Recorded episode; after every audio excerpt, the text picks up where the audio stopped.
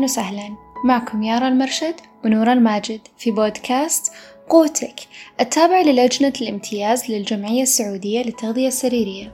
واللي من خلاله راح نبحر معكم في تخصص التغذية السريرية بطرح الخبرات والتجارب والنصائح وكذلك المعلومات من مختلف المراجع من التخصصات الطبية لتغذية مفهوم التغذية السريرية بشتى جوانبه. خلوني أحكي عليكم سيناريو بسيط ونتخيله سوا. أنا أخصائي تغذية حديث تخرج واليوم كان أول يوم دوام لي بالعيادات. دخلت المكتب جلست وبديت أتصفح عدد المرضى اللي راح أستقبلهم اليوم. دخلت علي الممرضة وبلغتني إن أول مريض وصل. يا ترى كيف راح أستقبل المريض؟ كيف راح أتعامل مع المريض؟ وكيف راح أتفق أنا وياه على الخطة التغذوية المناسبة له؟ والكثير من المحاور اللي ممكن تجعلها راح تتكلم لكم عنها ضيفتنا المميزة من خلال خبرتها بالمجال أكثر. أخليكم معها.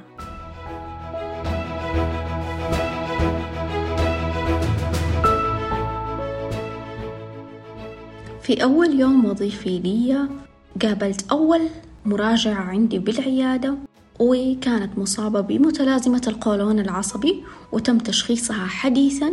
وكان غرضها من زيارة العيادة إنه تسيطر على آلام وانتفاخات المعدة. طبعا الطامة الكبرى كانت إنه أنا ما أعرف معنى المتلازمة القولون العصبي باللغة العربية. كنت أعرف المسميات وأسماء الأمراض فقط باللغة الإنجليزية. فكنت أعرف إيش يعني irritable bowel syndrome لكن ما أعرف إيش يعني متلازمة القولون العصبي والمريضة أمامي ودفعت ثمن الاستشارة في عيادتي. وما في فرصة ولا وقت إني أبحث عن ترجمة المرض ولا في فرصة إني أنا أقرأ وأزيد حصيلتي العلمية أمام المريضة عشان أعطيها خطتها العلاجية. كان في وقت فقط لتقديم الخدمة للمريضة فكان أول يوم في العيادة وأول يوم لي في الوظيفة كان غالب علي التوتر وكنت تحت ضغط هائل جدا بسبب نقص أو شح المعلومات في تخصصي. وكمان في نفس اليوم أحد استشاريين الغدد الصماء قام بتحويل أحد مرضى على عيادتي بغرض إنه أعمل كنترول على السكر التراكمي وسألني هذا الاستشاري What is your goal of medical nutrition therapy؟ إيش هو هدفك من الخطة العلاجية للسكر التراكمي؟ وأكيد أيها المستمع استنتجت إنه أنا ما كان عندي جواب لهذا الاستشاري وأيضا كان الموقف صادم لي طبعا كما تعودت في مرحلة الامتياز إنه أنا أقرأ الملف قبل ما أدخل على المريض. وكمان في نفس الوقت كنت أسأل أصدقائي من أخصائيين تغذية علاجية حتى يفيدوني بالتوصيات حتى أقدمها للمرضى. لكن الآن تغير الوضع كليا المريض أمامي ولا يوجد وقت للقراءة ولا للترجمة ولا لأي شيء. يوجد فقط وقت واحد لتقديم الخدمة للمريض والمحافظة على عدم ضياع الوقت. أقدم لكم هذا البودكاست بعنوان العمل في عيادات التغذية العلاجية والتعامل مع المرضى في جلسات التغذية. مقدم من منصة بودكاست قوتك معكم أنا مرام فاضل أخصائية التغذية العلاجية خريجة من جامعة أم القرى بمكة المكرمة سنة 2015 أمارس مهنتي على مدى خمس سنوات ونصف. أعمل كأخصائية تغذية علاجية في عيادة تغذية في القطاع الخاص بمكة وأيضا أعمل كتيلي دايتيشن على موقع الخاص rd.maramfadil للاستماع لهذا البودكاست وخبرتي وتجاربي ويومياتي في العيادة وكيف ممكن نعامل المرضى. استمعوا معي.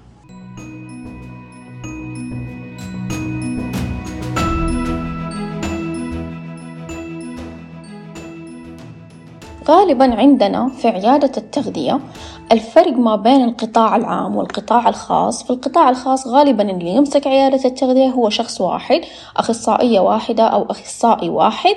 نادر جدا يكون أخصائيين أو أكثر. بيكون هو اللي ماسك العيادة وهو اللي الوحيد اللي بيشوف المرضى في هذه العيادة. طيب لو كان في القطاع الحكومي طبعا بيكون أكثر من أخصائي تغذية.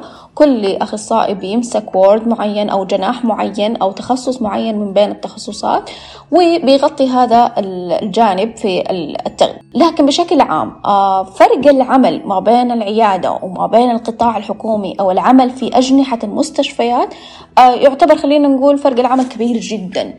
غالبا العمل في قطاع عيادات بيكون يتطلب إنه أنت تلتزم بمهارات أكثر أو تحاول تنمي مهارات أكثر عندك وفي نفس الوقت العمل في العيادات غالبا يكون ما في وقت إنه أنت تقرأ المعلومة ما في وقت إنه أنت تسترجع المعلومة ما في وقت تبحث. بعكس العمل في اجنحه المستشفى أو في الوورد في الوورد غالبا ممكن تشوف ملف المريض مكتوب فيه من جميع الطاقم الطبي الطبيب يكتب الصيدلي يكتب وجميع التخصصات ممكن تكتب في الملف وأنت تطلع عليه وتكتشف بعد كذا إيش ممكن تحط من خطة علاجية. وبعد كذا بإمكانك تقرأ وبعدها تقابل المريض. أو تتحاور مع المريض. لكن في العيادة للأسف ممكن أوقات المريض بيجي العيادة لم يتم تشخيصه مسبقا ما عدى ولا على أي طبيب آخر وممكن ما عمل أي تحليل وممكن إحنا أصلا ما نوصل معاه لتشخيص معين مرضي. ممكن نوصل تشخيص تغذوي لكن التشخيص المرضي ما نوصل له. العمل بالعيادة يتطلب إنه إحنا نكون قارئين نهيمين جدا القراءة بنهم قراءة مكثفة. قد تصل إلى ست ساعات ثمانية ساعات. في بداياتي حقيقة كنت أعدي ثمانية ساعات من يومي قراءة مكثفة حول جميع الأمراض والتدخل التغذوي لها. فالعمل في عيادة ما يتطلب مثل العمل في الوورد بإمكانك إنك تروح تبحث بعدين تقابل المريض. لا العمل في العيادة المريض أمامك. دفع ثمن الاستشارة ما في مجال إنه أنت تسترجع المبلغ ما في مجال إنه أنت تقرأ ما في مجال إنه أنت تحدث المعلومة. لا غالبا لازم تكون updated لازم تكون عارف بالمعلومة. أكيد في درجة خطأ كبيرة ممكن إنه الواحد ما يكون قرأ المعلومة الفلانية لكن على الأقل يكون قارئ لأغلب المعلومات. طبعا البعض ممكن يخاف من الكلام اللي ذكرته لكن بشكل عام مع الوقت واستمرارية القراءة المكثفة حتوصل لمرحلة حتكون فخور بنفسك وفي نفس الوقت حتوصل لمرحلة إنه المريض لما يكون قدامك تعرف تختار إيش الخطة المناسبة له وتعرف أغلب الأمراض الطبية وتدخلها التغذوي.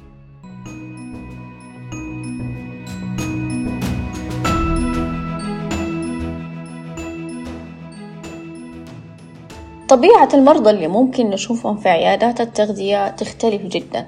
ممكن نشوف مرضى ذوي دخل محدود ممكن نشوف مرضى ذوي دخل جيد أو ممتاز. ممكن نشوف مرضى آه، مستوى التعليمي لهم يعتبر جيد ممكن المستوى التعليمي لهم يعتبر ممتاز.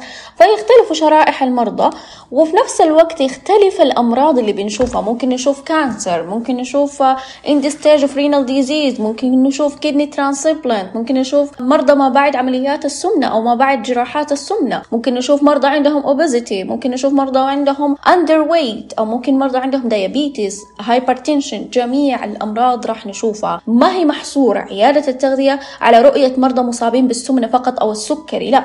في العيادة بنشوف جميع المرضى حتى cancer ممكن نشوف حتى مرضى مصابين بأمراض تكون complication ما هو محصور فقط على مرضى خلينا نقول أصحاء لا نعتبرهم مرضى ممكن في end stage للمرض تبعهم. يختلف شرائح المرضى يختلف نوع المرض يختلفوا أعمار المرضى ممكن كمان يختلف معانا طبيعة المرافقين مع المرضى.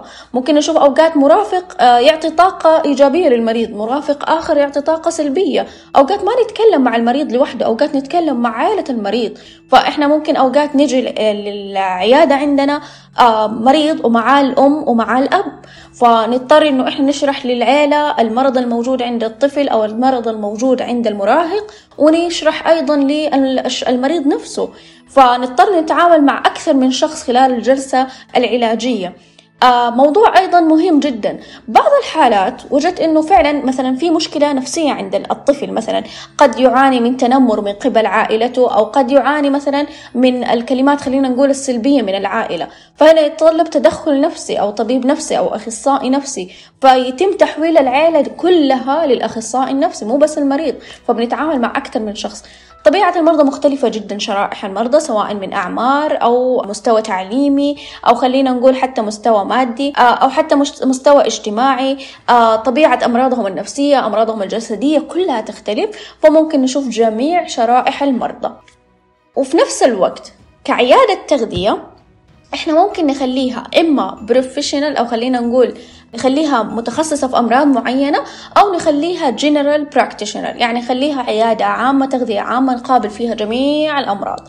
في بداياتي كأول تقريبا ثلاث سنوات كانت عيادة جنرال بشوف فيها جميع الأمراض بستقبل فيها جميع المرضى بمختلف الأمراض. هذا كان عشان إيش؟ أنا حاولت إنه أبني موسوعة علمية مختلفة لكل الأمراض. ما كنت أبغى أخصصها لشيء معين عشان يكون عندي خلفية كبيرة لمختلف الأمراض.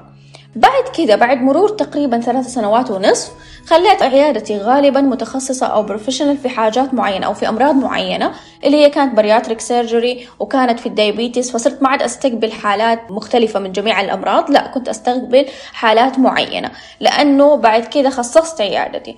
فالعمل في عيادة التغذية ممكن أنت تشتغل في البداية كجنرال وبعد كده تخليها professional في حاجة معينة. وممكن تخليها جنرال طوال الوقت. فيختلف على حسب أنت إيش حابب تكمل مسارك في العيادة. هل أنت حابب فعلا تكون جنرال ولا حابب تكون professional في حاجة معينة؟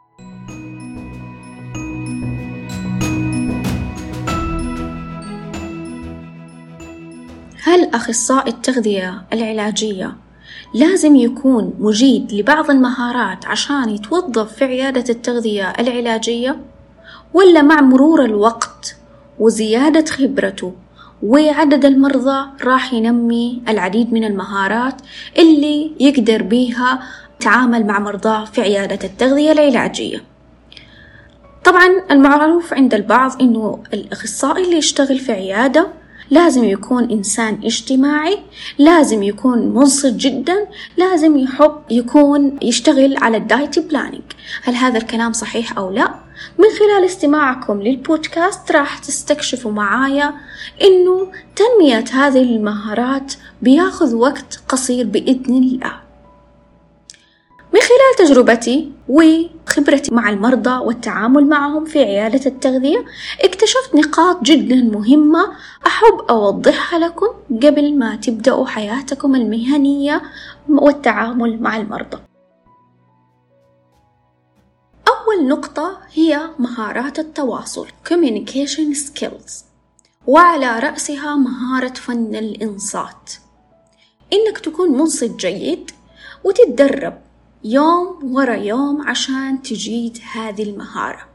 بحيث إنه لو كان مدة جلستك مع المريض تقريبا عشر دقائق تكون متحدث لمدة ثلاث دقائق وسبع دقائق منصت للمريض وشكوى المريض.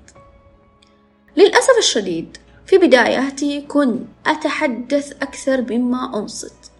كانت مدة الجلسة خمسة وأربعين دقيقة. كنت أتحدث لمدة خمسة وثلاثين دقيقة أو أكثر وخمسة دقائق أتركها للمريض إنه هو يشرح حالته فيها وما كنت أستمع للمريض بطريقة أو احترافية عالية. طبعا إحنا عندنا مراجع كثيرة جدا تعلمنا مهارة الإنصات. وأيضا مراجع كثيرة جدا تعلمنا مهارات التواصل مع المرضى وعلى رأسها وأهم المراجع اللي أشوفها حاليا هو ال American Family Medicine وأيضا كتب التغذية جميعها ذكرت هذه المهارات. ثاني نقطة. عشان تتعامل مع مرضاك إنه أنت تجيد ال counseling وال education مهارات الاستشارة. إنه أنت تعرف متى تسأل المريض وإيش تسأله وكيف تسأل المريض وإيش هي صيغة السؤال المحبذ إنك تسألها. إنك تسأل ب how و what ما تسأل ب why تسأل المريض ماذا أو كيف ولا تسأله ليش أو لماذا. أيضا إنه أنت كيف تحط الخطة العلاجية بإنها تكون واضحة وكيف تحقق هدفك مع المريض وكيف تخلي المريض يشترك معك في وضع الخطة العلاجية حتى نسبة الالتزام تكون أعلى من قبل المريض. الكونسلينج له كتب مختلفة جدا ومراجع كثيرة جدا لكن بشكل عام لكل شخص أو لكل ممارس صحي مرجعه الخاص فيه. النقطة الثالثة اللي أحب أركز عليها اللي هو إنه أخصائي التغذية يتبحر ويتعمق في قراءة ال behavior therapy اللي هو أساسا قائم على علم النفس أو الطب النفسي. إنه إحنا نجيد مهارات أو استراتيجيات العلاج المعرفي السلوكي اللي هو ال cognitive behavior therapy وأيضا استراتيجية ال transtheoretical method اللي هي استراتيجيات التغيير وكمان ال social cognitive theory اللي هي بمسمى آخر ال social learning theory هذه كلها ما جبتها من عندي. هذه كلها من خلال قراءاتي لتوصيات ال American Academy of Dietetic and Nutrition كانوا حاطين توصية للتعامل مع حالات المصابة بالسمنة والسكري وأمراض القلب إنه إحنا نستخدم معاهم ال behavior therapy ونستخدم هذه الاستراتيجيات. هذه الاستراتيجيات جدا مهمة. ممكن الواحد يتبحر في قراءة كتب علم النفس أو الطب النفسي وأيضا كتب التغذية ما قصرت في هذه المفاهيم.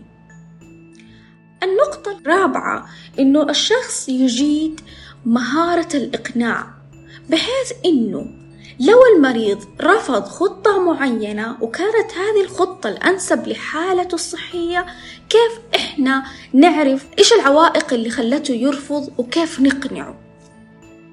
أبسط الأمثلة إذا عدت حالة في العيادة وكان ملزوم علينا إنه إحنا نحول هذا المريض طبيب نفسي. ورفض المريض بحجة إنه إيمانه قوي وما يحتاج يروح للطبيب النفسي. كيف نقنع المريض إنه درجة إيمانه العالية لا تتعارض مع ذهابه للطبيب النفسي؟ أيضا إنه إحنا لو شفنا مريض واخترنا الحمية المناسبة له لكن رفضها بحجة إنه الحمية هذه ما يقدر يلتزم فيها.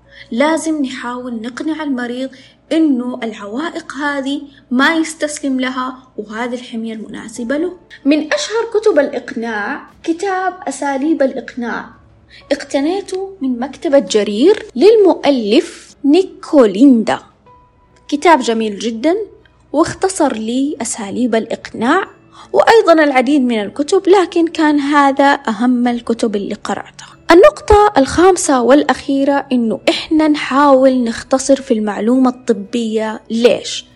لأنه غالبا المريض خصوصا في أول جلسة المريض لسه متوتر أو خايف من مواجهة الممارس الصحي أو ممكن يكون وقع خبر إصابته بالمرض مقلق ومفزع بالنسبة له.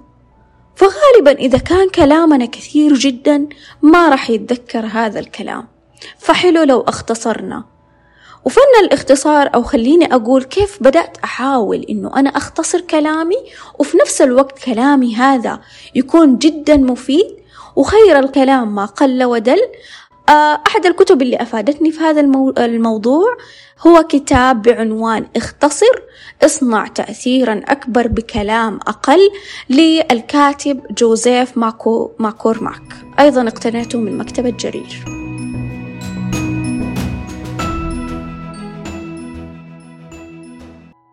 واحد من الأمور المهمة جدا وهي البعض قد يستغرب إنه أنا كيف راح أعمل diet planning والمريض قدامي؟ ما حيكون في وقت إنه أنا أصمم الجدول وأحط خيارات للمريض وأحط آه، ال substitute أو خلينا نقول بدائل الطعام. البعض ماخذ فكرة خاطئة عن العيادة. إحنا عندنا في العيادات غالبا ما أصمم الحمية أصلا قدام المريض. أعلم المريض كم احتياجه من السعرات وبعد كده أخلي المريض ينطلق إنه هو يروح يحسب سعراته بنفسه. أنا أعطيه الاحتياج وأشرح له كم المفروض ياخذ منها كاربس أو بروتين أو فات وبعد كده بيروح هو يحمل التطبيقات أو يروح هو يبحث حتى يتعلم إنه كيف يحسب سعراته. في النهاية مهما أعطيت جدول وهو ما عرف كيف يحسب السعرات أو كم الكميات في كل أكل قاعد ياخده عمر المريض ما راح يستفيد وعمره ما اتثقف وعمره ما حيوصل للهدف معايا. لأنه أساس التثقيف في التغذية إنه إحنا نخليهم يعرفوا كم احتياجهم من السعرات كم احتياجهم من بروتين عن carb بعد كذا نعطي الحمية اللي المفروض نعطيها. الحمية أنا أعطيها فقط من باب إنه المريض يكون عنده مثال توضيحي آه يشرح له كم المفروض ياخذ من الأكل الفلاني أو جدول بسيط يشرح له كيف المفروض يأكل. لكن مش كل المرضى بياخذ من عندي food planning أو خلينا نقول diet planning الجلسة الأولى دائما بشرح فيها السعرات والاحتياج اليومي أو ال requirement الجلسة الثانية ببدأ أشرح له مثلا كل food groups كم المفروض فيها بروتين و carb ودهون. الجلسة مثلا الثالثة خلاص يكون المريض بدأ يحسب عن طريق تطبيقات الجوال أو عن طريق الإنترنت أو عن طريق ال food data اللي هي من ال USDA الأمريكية يبدأ يحسب سعراته بنفسه.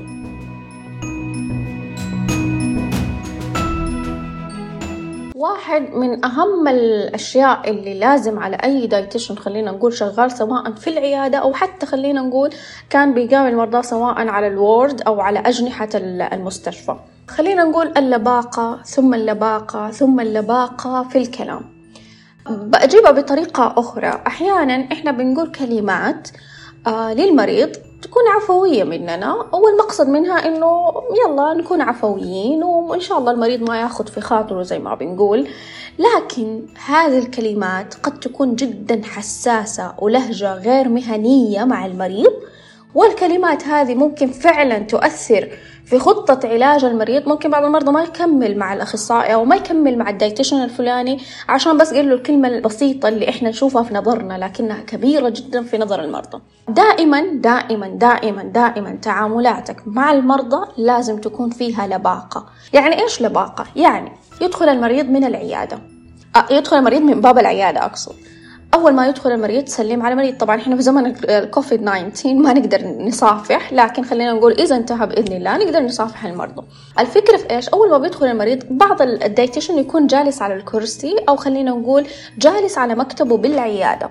لا تجلس. أول ما يدخل المريض رحب فيه. أهلا وسهلا تفضلي وأوقف لتحية هذا المريض.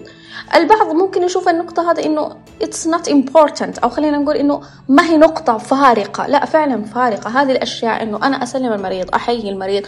أحسسه والله إنه هو ترى جاي بيتي كأنه مش جاي عيادة. نقطة أخرى هذه كلها ترى فعلا تخلي المريض يرتاح خاصة في أول جلسة. يخلي المريض فعلا بيحس يقتنع فيا حتى لو مثلا أنا غلطت في حاجة ممكن المريض يحس إنه أنا بشر. لأنه في النهاية عملته بأسلوب ممتاز وفي نفس الوقت كان في لباقة في الحوار. كان في خلينا نقول أدب واحترام عالي مهنية واحترافية عالية جدا في اختيار وانتقاء الكلمات مع المريض. فهذه أول نقطة. حاولوا دائما أول ما يدخل المريض من باب العيادة نوقف نسلم على المريض. أهلا كيف حالك؟ تفضل استريح. لا يدخل المريض وانت مشغول على الكمبيوتر وقاعد تكتب حاجة وكأنه ما في أحد كأنه جدار اللي دخل عليك مش بني آدم. فهذه كلها نقاط جدا مهمة. نجي بعد كذا للنقطة الثانية. البعض أسأل يعني إنه ما يكون الكلمة هذه أو البعض ما يأخذني عليها لكن البعض ما شاء الله لدرجة العفوية عندهم ممكن ينادي المرضى يا سيدي أو يا يا خلينا نقول يا خالة يا عمة. ما ينفع. إحنا هنا في مكان مهني جدا. احترافيتنا لازم تكون عالية. إحنا درسنا في نطاق خلينا نقول طبي أو علوم طبية. فخلينا نقول لازم الاحترافية تكون جدا عالية. فما ينفع ننادي المرضى بعمي وخالي وأختي. لا الموضوع اسمه أستاذ عزيزي الأستاذ الفلاني. إذا مرة أنت يعني حاسس إنه الكلمة هذه معليش اوفر خلينا نقول البعض يقول معليش يعني الرسمية مرة عالية لما أنادي المريض بأستاذ. في النهاية لازم يكون في احترافية. إحنا ما نتعامل مع المريض كأنه أخويا ولا أمي ولا أبوي لا هو في النهاية مريض له رقم ملف وفي النهاية شخص. وهذه الأشياء إحنا نتعامل باحترام. كل ما تعاملنا باحترام كل ما قللنا نسبة الخطورة إنه إحنا ممكن نغلط في إنه نقول كلمة قد تكون حساسة على المريض أو وقعها يكون حساس على المريض.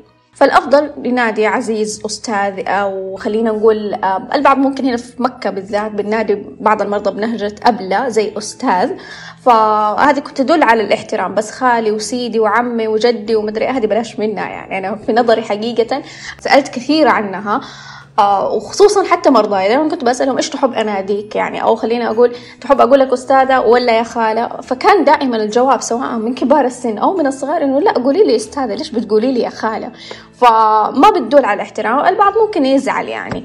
وفي النهاية ما في إنسان يحب إنه هو أحد يقول له يا خالة. فخلونا في الاحترافية العالية. حتى لو اختلفت المناطق يعني البعض ممكن يقول لا إحنا في الرياض نقول للكبار آه يا خال يا عم. طب حتى لو أنتم في الرياض في النهاية اسمه أستاذ. قول أستاذ وبعدها اسم المريض. وهذه اللباقة فعلا آه تخلي الإنسان أو تخلي المريض اللي قدامك يرتاح يستوعب إنه أنت معتبره إنسان وكيان بكامله. حاجة ثانية. حتى لو جاء بعض الأوقات بيزور عيادتي مرضى صغار في السن اللي هو مثلا يكونوا أقل من عشرين سنة أو يكونوا على 15 11 سنة. نفس الحكاية بناديهم أستاذ أو أستاذة. ما في اختلاف يعني ما حنادي مريض عشانه أصغر مني ما حقول له أستاذ. لا في النهاية هذا المريض له احترامه. أيضا من الأمور اللي تتطلب لباقة عالية في حواراتنا مع المرضى. البعض ممكن يقول لا معلش صعبة أنا إنسان عفوي متعود طول حياتي إنه أكون إنسان عفوي صعب إني أجي في لحظة أكون رسمي هو كلام مو نكون رسميين أو عفويين ما له دخل إنه أنت تكون عفوي وفي نفس الوقت تكون انتقائك للكلمات آه لبقة أكثر. فمرة ما لها دخل العفوية بموضوع الاحترافية ومهنيتنا وانتقاء الكلمات ولباقتنا في الحديث أو في الحوار مع مرضانا. يعني أتمنى حقيقي دائما لما أتكلم مع كثير من الدايتيشنز إنه ما يصير نقول كذا المفروض المفترض أحس إنه هذه الكلمة الأنسب للحالة الفلانية. فالبعض يقول يا شيخ انت مرة بتدققي فما له داعي العادي إحنا عفويين وطبيعتنا عفويين. لا زي ما الطب أوجد لنا علاج للأمراض أيضا الطب أوجد لنا كلمات نستخدمها مع المرضى. يعني لو دخلنا بس في عالم ال counseling وال education بحر من المعلومات اللي إحنا كيف نتكلم مع المريض في كل سؤال حتى كيف نسأل المريض إيش السؤال المناسب إيش السؤال الغير مناسب. حقيقي ما في حاجة اسمها إحنا عفويين. يعني هل لو جبنا مريض مصاب بمرض السكري. حنعطي حنعطيه علاج آه، آه، مخصص لمرض الضغط ونقول إحنا عفويين. لا طبعا. الموضوع برضو حتى في الحديث ما يتطلب إنه إحنا نكون عفويين. يتطلب إنه نكون على احترافية عالية جدا.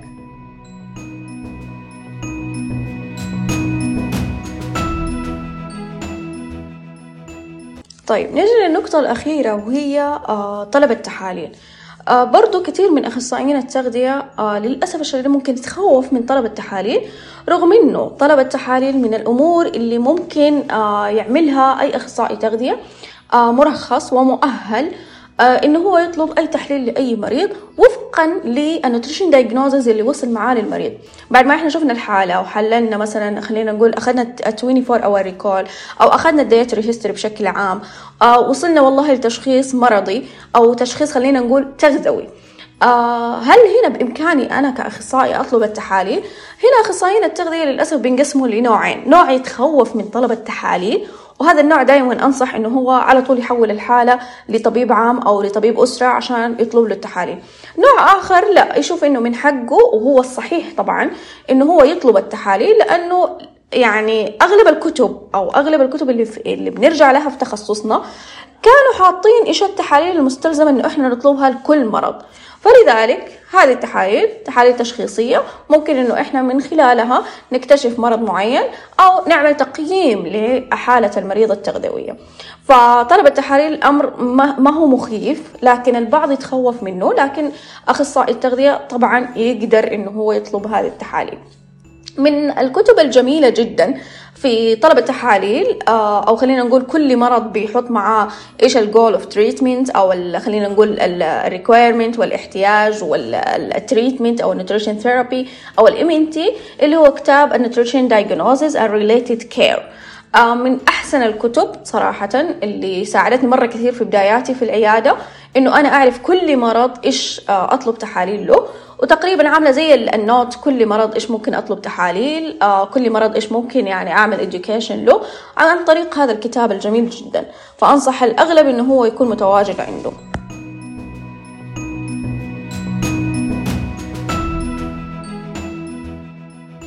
أخيرا وليس آخرا راح أتكلم عن نقطة جدا مهمة وهي آخر نصيحة راح أقولها في هذا البودكاست. ألا وهي تأثرنا بمرض المرضى؟ ممكن البعض للأسف الشديد خصوصا في بداياتي كنت ما أعرف أتكيف أو أتعامل في حياتي العملية وحياتي الشخصية أو حياتي الخاصة في البيت. عادة أرجع البيت أفكر في أغلب المرضى اللي شفتهم خلال اليوم أفكر في معاناتهم أحس إنه الحياة مرة صعبة لهم أحس إنه والله فعلا حياة الم... حياة العمل بأخذها معايا للبيت. وهذه كانت حقيقة تسبب لي أزمات نفسية إنه أنا ما أقدر أفصل أو أنا فعلا ضميري بيأنبني عليهم أو أشعر إنه المرض هذا فعلا ما أقدر أساعدهم أحس بتقصير تجاههم أو في نفس الوقت أحس إنه الحياة شوية سودة من ناحية المرض. كان هذا الموضوع جدا عامل لي زي التشتت وكان حقيقي ما بيخليني أستمتع بيومي أو ما يخليني أستمتع بحياتي بسبب إنه أنا صار أغلب تفكيري عن المرضى.